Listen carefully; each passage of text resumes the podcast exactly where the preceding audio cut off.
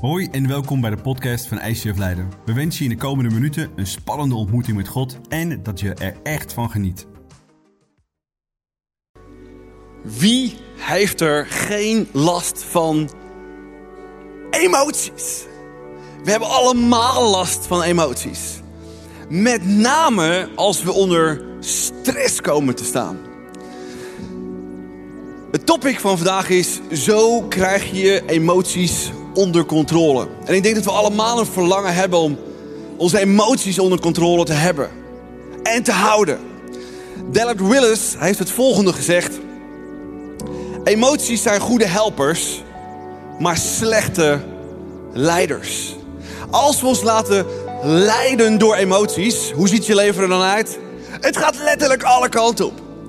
Maar als je emoties raadgevers zijn, je voelt, je luistert, je denkt na, dan zijn het letterlijk raadgevers die je helpen je leven, je maand, je week of je dag misschien wel totaal anders invulling te geven. En ik hoop dat je het met me eens bent dat emoties inderdaad helpers zouden moeten zijn. En dat het geen leiders zouden moeten zijn. Want de afgelopen week hebben we geleerd dat emoties komen en gaan, omstandigheden komen en gaan. En als je niet uitkijkt, dan word je geleid door je gevoelens en door je emoties. Maar we hebben geleerd vorige week met zeilen en het schip wat we hier hadden, dat we onze emoties moeten sturen als een kapitein. Dat we ze moeten navigeren om ze daar te brengen waar ze moeten zijn. Oké, oké, oké, oké. Je eerste emotie, als er iets heftigs gebeurt, heb je die onder controle? Waarschijnlijk niet. Oké. Dan denk je tien seconden na en denk je: oké, waar gaan we die emoties nu eens heen sturen? Dat is zo belangrijk als je je emoties letterlijk onder controle wilt houden. Daar gaan we het vandaag over hebben. En ik hoop allemaal dat jullie, zoals je hier zitten, of thuis aanwezig bent, of in een microchurch, of als je later terugluistert, dat je echt je emoties wilt navigeren als een kapitein. Om ze daar te brengen waar ze moeten zijn, zodat jouw leven niet geleid wordt door emoties of omstandigheden, maar door jouw ziel, de kapitein. En dat je daar komt waar jij wilt zijn en niet dat iets of iemand anders dat voor je gaat bepalen. Nou, vandaag willen we je meenemen in hoe je dus letterlijk je emoties onder controle kunt krijgen om ze echt thuis te brengen. En we hebben dus geleerd inderdaad dat we onze emoties moeten navigeren, anders wordt het heel erg moeilijk. Nou, iemand wel eens gehoord over time management? Ja, zijn er mensen die zeggen dat ze daar heel erg goed in zijn? Durf je dat te zeggen? We leren allemaal toch? Ja. Nou, we hebben geleerd met time management dat als je dat goed doet, heb je dan de boel voor 80% onder controle. Ja. Als je dat slecht doet, wat gebeurt er dan? Ja, dan word je eigenlijk geleefd door. Oh ja, vergeten. Rush. Oh ja, dat had ik. Oh, had ik ook nog moeten doen. Woe! Volgende versnelling. En je moet dat ook nog doen. Je komt van het een in het ander. En zorgt dat ervoor dat je emoties dan met je aan de loop gaan. Totaal. Nou, vandaag willen je meenemen in een deel time management. Dit is je leven.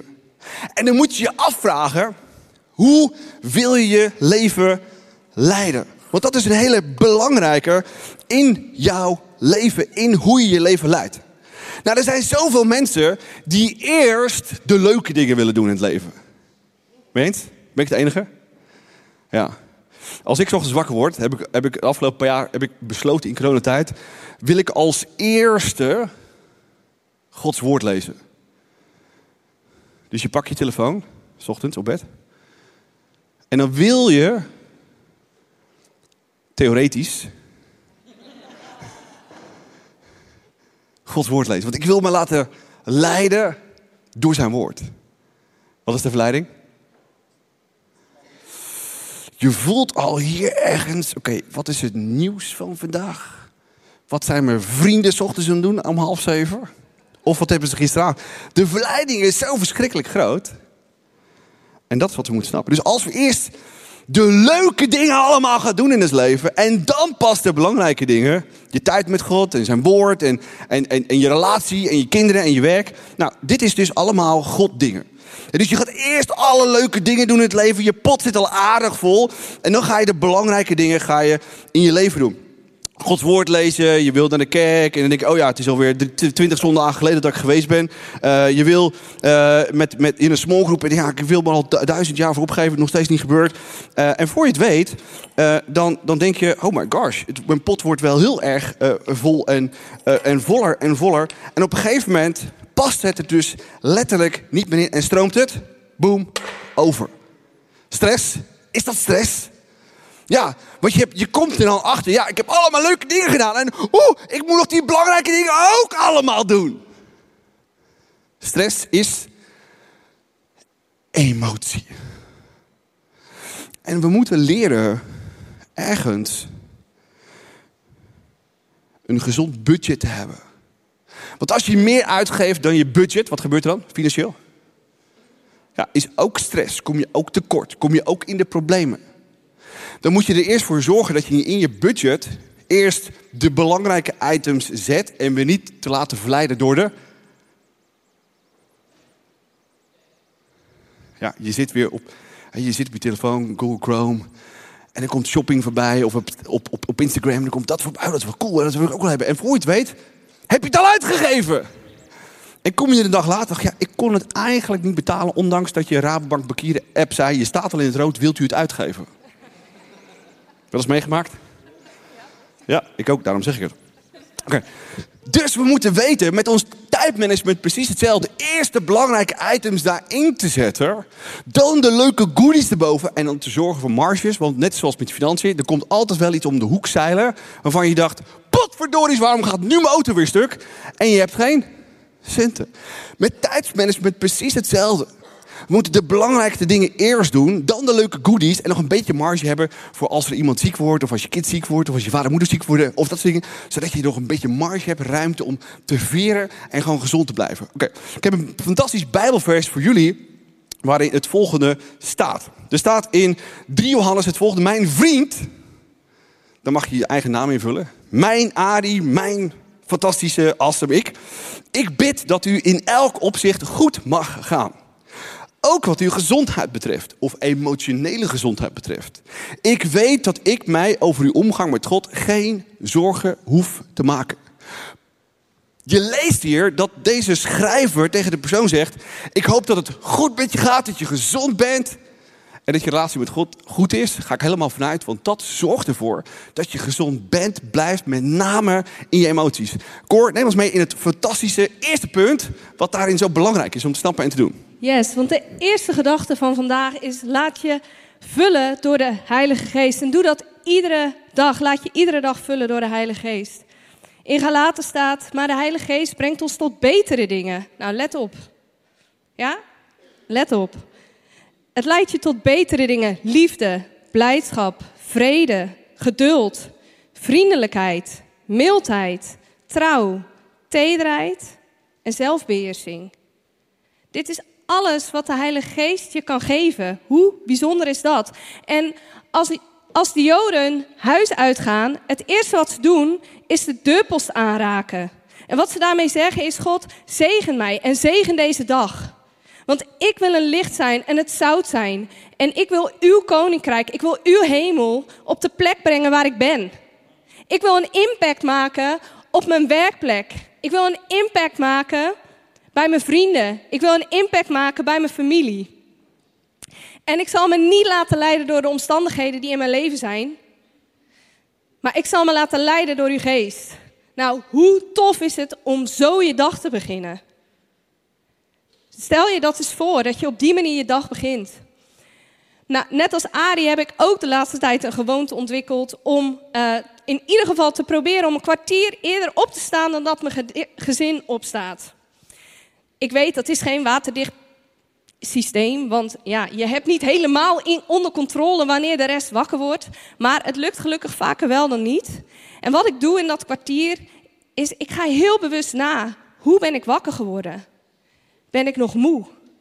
Ben ik gestrest voor wat er voor me ligt vandaag? Uh, ben ik nog gestrest over dingen die gisteren zijn gebeurd? Wat houdt me bezig op het moment dat ik wakker word?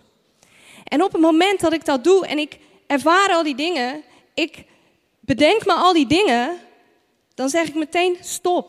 Tot hier en niet verder. Dit is een nieuwe dag. Dit is een nieuwe dag waarmee ik me kan laten vullen door de Heilige Geest. En dan vraag ik heel specifiek de dingen aan de Heilige Geest die ik nodig heb. Soms is het rust, soms is het energie, soms is het gezondheid. Heel vaak is het geduld. Um, maar ik vraag daar aan het begin van mijn dag heel specifiek om. En waarom is dat nou zo ontzettend belangrijk? Het is zo ontzettend belangrijk om de Heilige Geest aan het begin van je dag uit te nodigen, omdat iedere dag zijn uitdagingen heeft. En de ene dag heeft grotere uitdagingen dan de andere dag. En de ene seizoen heeft grotere uitdagingen dan het andere seizoen. Dat weten we. Maar als we niet starten met onze dag met de Heilige Geest, dan is een uitdaging geen uitdaging meer, maar wordt het een obstakel. En als we maar vaak genoeg tegen die obstakels aanlopen, dan heeft dat een impact op onze gedachten, op onze emoties en dus ook op ons handelen. En zien we er een beetje hetzelfde uit als deze hond die een ontmoeting heeft gehad met de stekelvarken. Ah, ja, we weten niet of het een vriendelijke ontmoeting is geweest. Of dat het een potje knokken was. We weten het niet. Maar hij is er niet zo best van afgekomen. En als jij dagelijks ontmoetingen hebt met obstakels, dan ziet je ziel er zo uit. Dan zit je vol met stekels. En als je die niet behandelt, samen met Jezus, samen met zijn Heilige Geest, dan gaat het etteren. Dan gaat het zweren. Dan wordt het lelijk. Dus start je dag met de Heilige Geest. Start je dag met Jezus. En zorg ervoor dat die obstakels, die ontmoetingen die jij in je leven hebt gehad, die verbroken relaties misschien, het verlies van een dierbare, het verlies van een baan, een ingewikkelde financiële situatie, noem het maar op. Wat zijn jouw stekels? Maar zorg ervoor dat je ze behandelt en dat je ernaar kijkt samen met de Heilige Geest. En het goede nieuws is dat ben je tegen zo'n obstakel aangelopen, dan is God daar ook. God is er altijd. Want wat deed hij bij de storm? Hij sprak één woord. En de storm was kalm. God sprak één woord en hij schiep de aarde. God sprak één woord en hij genas de zieken. God sprak één woord en hij veranderde de omstandigheden. Keer op keer op keer op keer. Welke omstandigheden moet God met één woord in jouw leven veranderen? En we moeten niet vergeten dat Jezus precies hetzelfde deed. Hij wist dat hij een enorme uitdaging tegemoet ging. Hij wist dat hij verraden zou worden door zijn beste vrienden. Hij wist dat zijn weg naar het kruis zwaar zou zijn. Dat hij geslagen zou worden. Dat hij bespot zou worden. Dat hij bespuwd zou worden. Hij wist dat zijn lichaam letterlijk gebroken zou worden. Hij wist dat. Jezus wist dat. En wat deed hij ter voorbereiding daarvan? Hij ging naar zijn vader. En hij ging niet even vijf minuten naar zijn vader om zijn gedachten te navigeren. Hij koos een avond. Hij ging de berg op en hij bracht tijd door met zijn vader om zijn emoties, om zijn gedachten te navigeren. Want Jezus ervaarde die emoties ook. Hij haalde bloed. Zo angstig was hij voor wat er komen kwam. Maar hij koos ervoor om die tijd door te brengen met zijn vader. Om zijn emoties te navigeren, te controleren. Zodat hij toen hij aan het kruis hing, met zijn gebroken lichaam, hij kon zeggen, Vader vergeef het hun. Want ze weten niet wat ze doen. God spreekt één woord en hij verandert ook jouw situatie. Hoe bijzonder is dat? En voor mij persoonlijk vind ik het dus fantastisch om op een grens te leven. Ik vind het heerlijk om het maximale uit mijn dag te halen. Om te gaan, gaan, gaan. Hoge doelstellingen, veel to-do's, veel vriendschappen, uh, uitdagende baan, veel doen in de kerk. Ik vind het fantastisch. En als ik in zo'n high zit, dan heb ik het idee dat ik de hele wereld aan kan. En leef ik zo mega intens, ben ik zo intens gelukkig, ben ik compleet on fire, al mijn sensoren staan aan. En als nadeel is dat ik daarna regelmatig in een compleet dal val. En die emoties die ik ervaar als ik me zo fantastisch voel, als ik echt in zo'n high zit, die zo intens zijn, die zijn in dat dal net zo intens. Dan ben ik uitgeput. Niet meer moe, maar dan ben ik uitgeput. Uitgewrongen. Ben ik onzeker. Ben ik emotioneel. Ben ik negatief over mezelf, over andere mensen. Maar als ik in zo'n dal zit, heb ik twee dingen geleerd. Eén, neem een klein beetje gas terug. Een klein beetje. Maar het tweede wat ik heb geleerd is, ga niet stilzitten. Ga niet stilzitten in dat dal. Maar zoek God op. Ga terug naar die bron. Ga terug naar dat ene woord. En voor mij betekent dat om te gaan wandelen en zijn schepping in te gaan. Maar ik weet niet wat het voor jou is, maar voor mij werkt het om te wandelen. Ik richt mijn gedachten op Hem. Ik ben in zijn schepping. Mijn perspectieven veranderen. Mijn negativiteit verdwijnt. Mijn emoties worden kalm. En ja, ik ben daarna nog steeds moe. Want dat is niet in één keer over. Maar ik merk in die momenten dat ik nog steeds gebruikt kan worden. Zelfs in zo'n dal. Dat God nog steeds door mij heen kan werken. Dat ik niet stil hoef te zitten en hoef te wachten totdat alles voorbij is. Maar dat God er altijd is. In die highs, waarin ik het gevoel heb dat ik alles zelf aan kan. Maar ook in die lows. Dat God juist in die lows misschien wel door mij heen werkt. En die belofte geeft hij ook in Jezaja. Hij zegt, ik leef in die hoge en heilige plaats. Maar ook bij ieder die berouwvol en nederig is. Het is zijn belofte. Dus ken jij die loos, net als dat ik ze ken? Heb je ze regelmatiger dan dat je lief is? Weet dan dat God daar is. En vind een manier om te winnen. Zoek een manier, net als dat het voor mij is om te wandelen, om mijn gedachten weer op orde te krijgen, om mijn emoties weer kalm te krijgen. Maar vind een manier om te winnen, want we vechten voor zijn koninkrijk. We vechten voor zijn hemel hier op aarde. En vind een manier om te winnen, want als wij niet winnen, dan wint de duivel. En dat is onze vijand. En die willen we geen ruimte geven. En er zijn verschillende ideeën die we hebben om geestelijk fit te blijven. En lees met me mee op het scherm. Dat kan zijn door gebed. Dat kan zijn door Bijbel te lezen. Door sabbat te houden. Gewoon één dag vrij te hebben. Offline te zijn. Te vasten. Fellowship. Vriendschap met God en mensen. Een hobby waar je echt gepassioneerd over bent. Waar je nieuwe energie van krijgt. Sporten, slaap, gezond eten, een gezonde werklast. En wat je nodig hebt, is per persoon verschillend. En per seizoen verschillend. Maar neem dit mee en vind een manier om te winnen. En de volgende gedachte die ik met jullie wil delen is: let op je emotionele en je fysieke weerbaarheid. En Paulus schrijft in Romeinen: Als Gods boodschapper zeg ik tegen ieder van u: beoordeel uzelf eerlijk en denk niet te hoog van uzelf. Bepaal uw eigen waarde naar de mate van het geloof dat u van God heeft ontvangen. Nou, wat hier staat is dat God ieder een eigen mate van geloof heeft gegeven. Dat betekent dat jouw geloof misschien niet zo groot is als het geloof van je buurvrouw.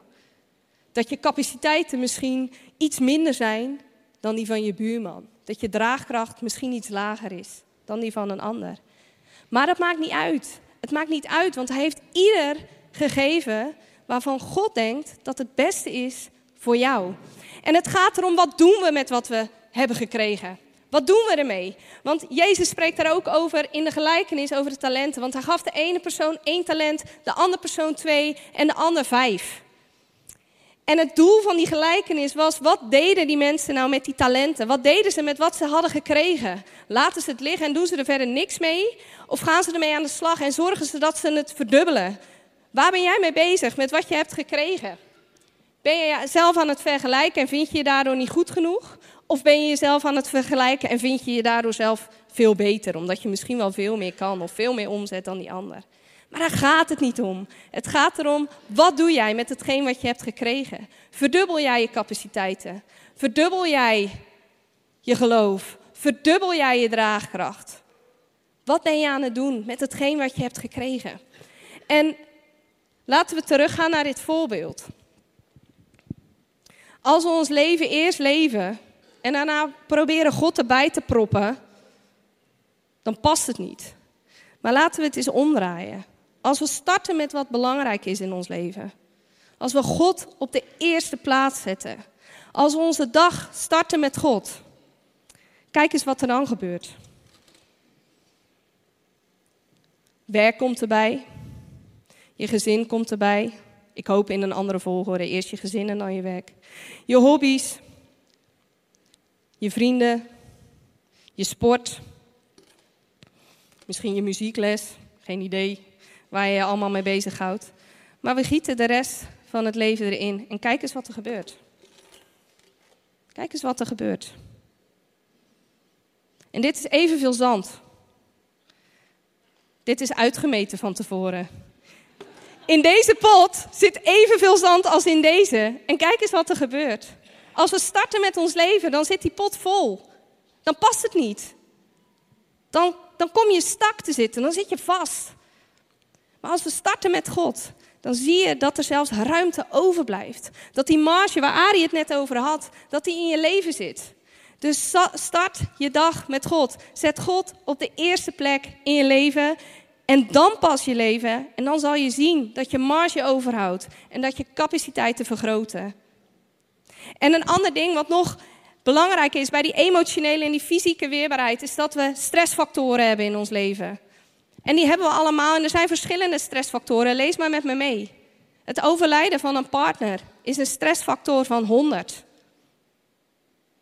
Ziek zijn, veranderingen van baan, allemaal stressfactoren. En ik weet niet of je deze herkent, maar weet dat ze een impact hebben op jouw energieniveau. En dat is niet goed, dat is niet fout, dat is gewoon zo. Het heeft een invloed. Maar hoe ga je ermee om? Ga je twijfelen aan je zalving? Ga je twijfelen aan wat God voor jou in petto heeft? Ga je twijfelen aan je geloof? Of ga je simpelweg door een moeilijker seizoen? Denk daarover na. Wat doen deze stressfactoren in jouw leven? Ari, neem ons mee in wat stress nog meer in je leven kan doen. Ja, we hebben het natuurlijk over emotionele capaciteit. En emotionele capaciteit kun je net zoals je conditie kun je oprekken en sterker maken. En wat betekent nou stress op de korte termijn?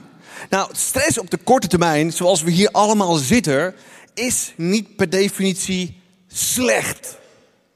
Want net zoals met je fysieke workout, moet je soms naar de sportschool, moet je soms vijf kilometer lopen, één keer per week, om je basis fysieke gezondheid, capaciteit te vergroten. Wel degelijk. Dus een workout aan zich is eigenlijk super gezond. En bij stress is het precies hetzelfde zo. Een basis stress in je leven zorgt ervoor dat je emotionele capaciteit groter wordt. Laat staan als je God, zijn woord, zijn Heilige Geest centraal in je leven hebt, fundament. Daarom lezen we ook in de Bijbel God boven alles. Laat God het fundament zijn, zodat je stevig staat, zodat de rest erbij kan komen, zodat je echt stevig staat. Zowel in je financiën als in je emotionele capaciteit, als in je lichamelijke capaciteit. Een basisstress is gezond. Maar net zoals met een workout kun je jezelf ook kapot werken. Kun je je kapot maken in de sportschool. Ja, iemand heeft wel eens gedaan. Dat je na tien jaar dacht van, nou nu ga ik eventjes uh, eraan. En dat je er bij de eerste keer dacht, oh my gosh. Nou, dat is dus de boel stuk maken. je kunt met werken de boel stuk maken. En met stress, te veel stress, over een te lange tijd, kun je de boel stuk maken. Een kwart van de mensen hier in de zaal zit, die heeft een prikkelbare darm. Net zoals ik. 5% van de mensen die hier zitten, is dat redelijk extreem, net zoals ik. Weet je wat stress doet met een prikkelbare darm op de lange termijn? Dat wil je niet weten. Voor de mensen die het wel weten, you know if you know. De stress op de lange termijn, als je te veel hebt, als je te veel toelaat, dan grijpt dat in je hoofd als hoofdpijn. Dan grijpt het in je nek, misschien wel op je huid. Het grijpt misschien wel met pijn in je armen of zware benen. Of een pijn in je maag of misschien wel een maagzweer. Of je kunt zoveel dingen daarvan overhouden als je op een te lange manier door blijft gaan en te veel stress hebt. Stress in de basis is goed. Het rekt je emotionele capaciteit op. Maar te veel en te lang gaat er te veel stuk. Wat zou de volgende stap moeten zijn? Luister naar de stem van wat? Van Netflix? Van een coole Jude op Instagram? Naar de stem van je ziel. Wat is je ziel? Je denken, voelen en je doen. Iemand wel eens na heel veel stress, te lang stress en te veel stress, dat je denkt, wat denk ik de laatste tijd voor gekke gedachten? Iemand wel eens meegemaakt? Is dat luisteren naar je ziel? Wat degelijk. Iemand wel eens uh, na te lang en te veel stress uh, het gevoel gehad, goh, het gaat niet helemaal lekker met me. Wel eens gehad? Ja, ik wel. Iemand wel eens gehad, nou, te lang en te veel stress en te veel emoties, dat je soms wel eens gekke dingen gaat doen. Dat je dacht, heb ik dat nou werkelijk gedaan? Bijvoorbeeld hoe je uitvalt naar je kinderen. Dat is meegemaakt? Cool, hè? Of dat je op je werk een beetje prikkelig aan het worden bent. Je heb ik nou echt dat tegen die collega gezegd? Ja. Luister naar de stem van je ziel. God heeft je bijzonder gemaakt. Je lichaam is oké, maar je ziel is heilig voor God. En God heeft je zo gevoelig gemaakt en met emoties gemaakt, dat als je op een gegeven moment zo gek gaat denken, of zo extreem gaat voelen, of dingen gaat doen in je leven, dan zegt je ziel, je bent er te lang en te ver doorgegaan. Denk je dan dat we dan ook al te lang Gods stem en van zijn Heilige Geest ook niet meer gehoord hebben? Ik denk het wel. Want Gods geest fluistert elke dag. Hey, hey, hey, hey, hey, hey. Je gaat nu de grens over. Ja, maar um, het is niet echt heel nodig. Ja, maar dat zei je de vorige de honderd keer ook al. En nu ga je echt te ver. Je gaat gekke dingen denken. Je gaat gekke dingen voelen. Je gaat gekke dingen doen. De stem van je ziel is zo belangrijk. En dicht bij God en zijn Heilige Geest brengen. Die je raad, wijsheid, advies, richting, troost, vriendschap, alles geeft wat je nodig hebt. En daarom moeten we dicht bij Hem blijven. Psalm 57 zegt: Wees mij nabij, o Netflix. O zak chips. O bak met ijs. Nee, wees mij nabij, o God, want ik heb u nodig. En geef mij uw genade. Je hebt wel eens genade nodig als je te veel gekke dingen denkt, te veel gekke dingen voelt, te veel gekke dingen doet. Wel degelijk. En David die dit schrijft, die ging soms ook grenzen over. Te veel grenzen over. En hij wist, wees mij nabij, o God, en geef mij genade. Mijn ziel vindt alleen maar bescherming bij... Waar vindt jouw ziel bescherming? Wat doe jij als het too much wordt? Oké, ik wil je als pastor niet schuldig laten voelen. Maar wat ik soms doe en wat we misschien allemaal wel eens doen is, we laten onze ziel schuilen bij wat? Ja, het is inderdaad Netflix. Of urenlang kijken naar een schermpje wat er allemaal voorbij komt op Instagram en Facebook. En wat weet je dan na het eind van die paar uren? Dat je eigenlijk je ziel en je gedachten wilt verlammen. Of we vinden inderdaad rust onze ziel met een bak ijs. Nou, er zijn natuurlijk allemaal geen dingen die slecht zijn. Maar onderaan de streep, waar vindt onze ziel echt rust? Bij God. Ik schuil in uw schaduw van uw vleugels tot het gevaar geweken is. En mijn vraag aan jou voor deze ochtend is: wat is de uitdaging? Wat is het gevaar? Wat is de stress hier nu op dit moment in jouw leven? En waar vlucht je naartoe om je ziel rust te geven? En ik denk dat we zo vaak geneigd zijn onze ziel rust te laten vinden bij bronnen en dingen die ons eigenlijk niet zo heel veel brengen. Terwijl als we naar de enige bron van leven gaan, God zelf, wat zou er dan gebeuren? Wat heb je daarvoor nodig? Geloof. Bij God gaat het toch altijd om geloof? Het gaat altijd om geloof. Geloof dat God letterlijk met één woord het universum maakte. Het geloof dat letterlijk God met één woord de dieren in deze wereld maakte. Dat God letterlijk met één woord het licht en het donker maakte. Dat God letterlijk met één woord het land en de zeeën maakte. En dus God is en dus zo powerful is om niet jouw probleem kunnen oplossen? Of wel?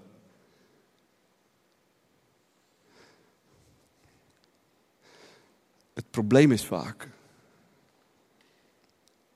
dat we een misconceptie hebben van hoe God en hoe powerful Hij is en hoe liefdevol Hij is.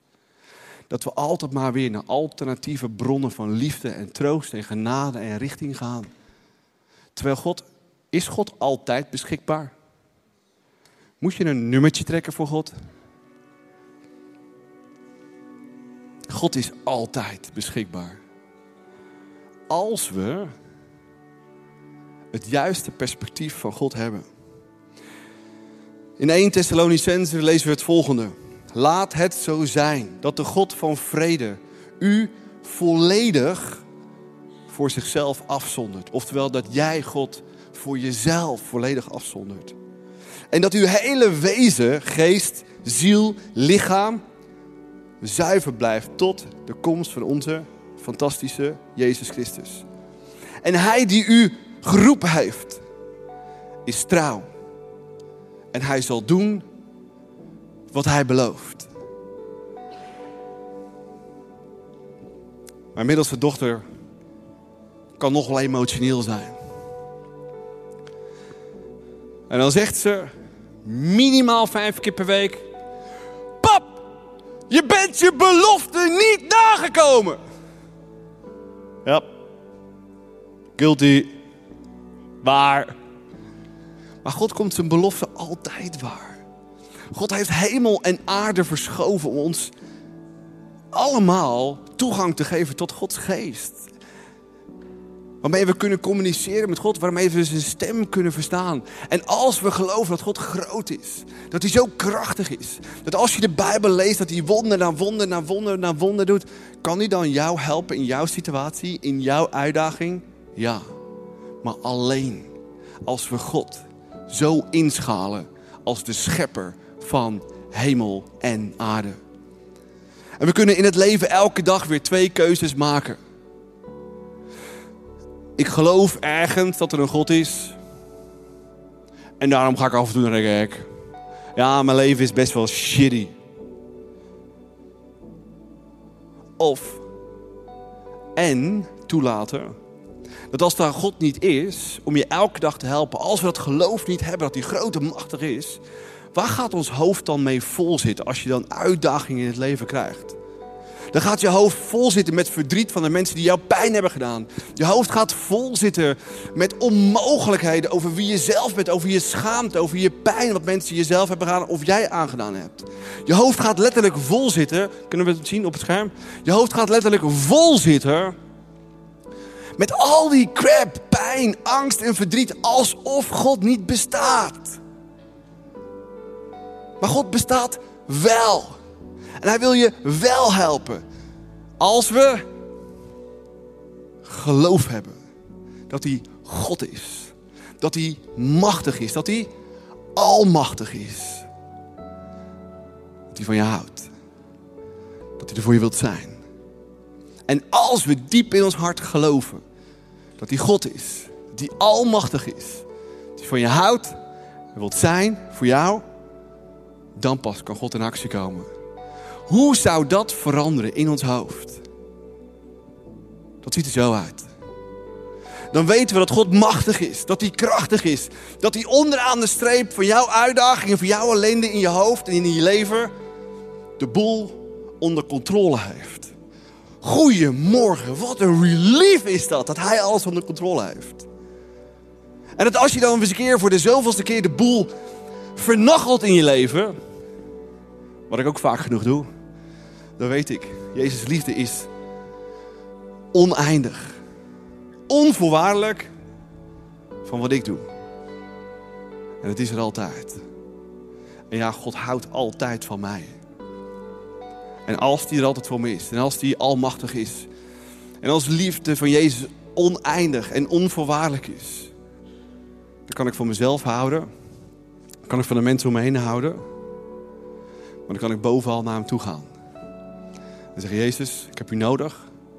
Ik heb uw raad, advies, wijsheid, liefde, troost, bescherming nodig. En Gods geest in je geeft je de rust in je hoofd, in je hart, in je ziel, in je doen en laten.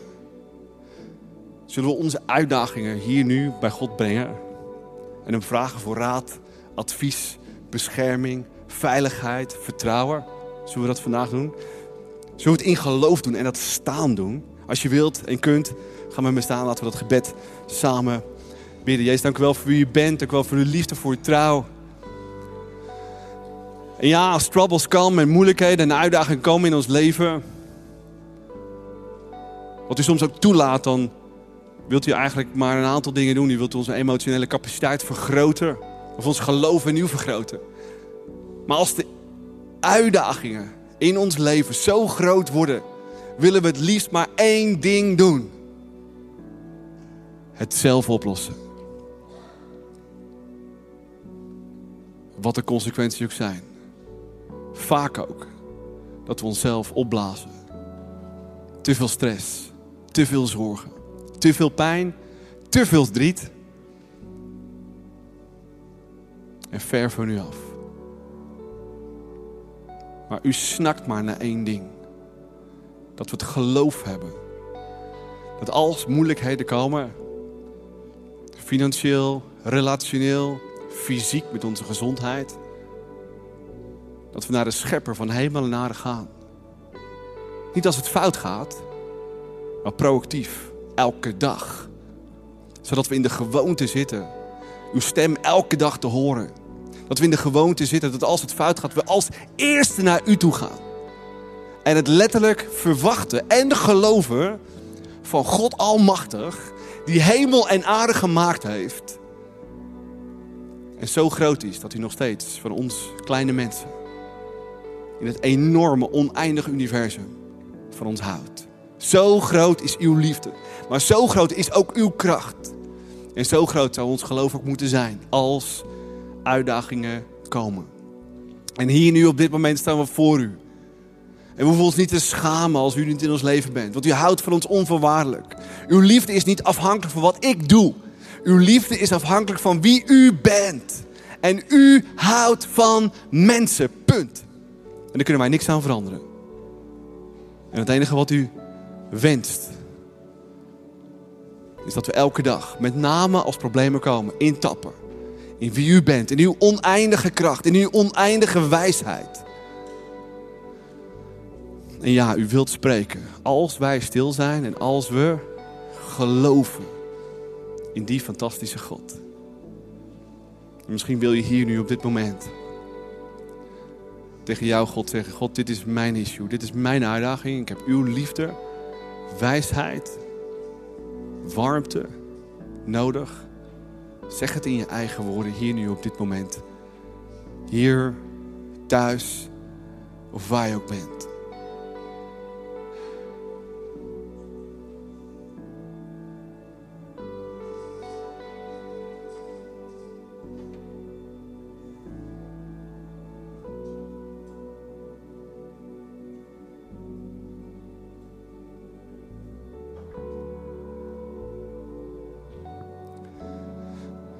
Heer, dank u wel dat u er altijd bent. Dank u wel dat u ons gehoord heeft.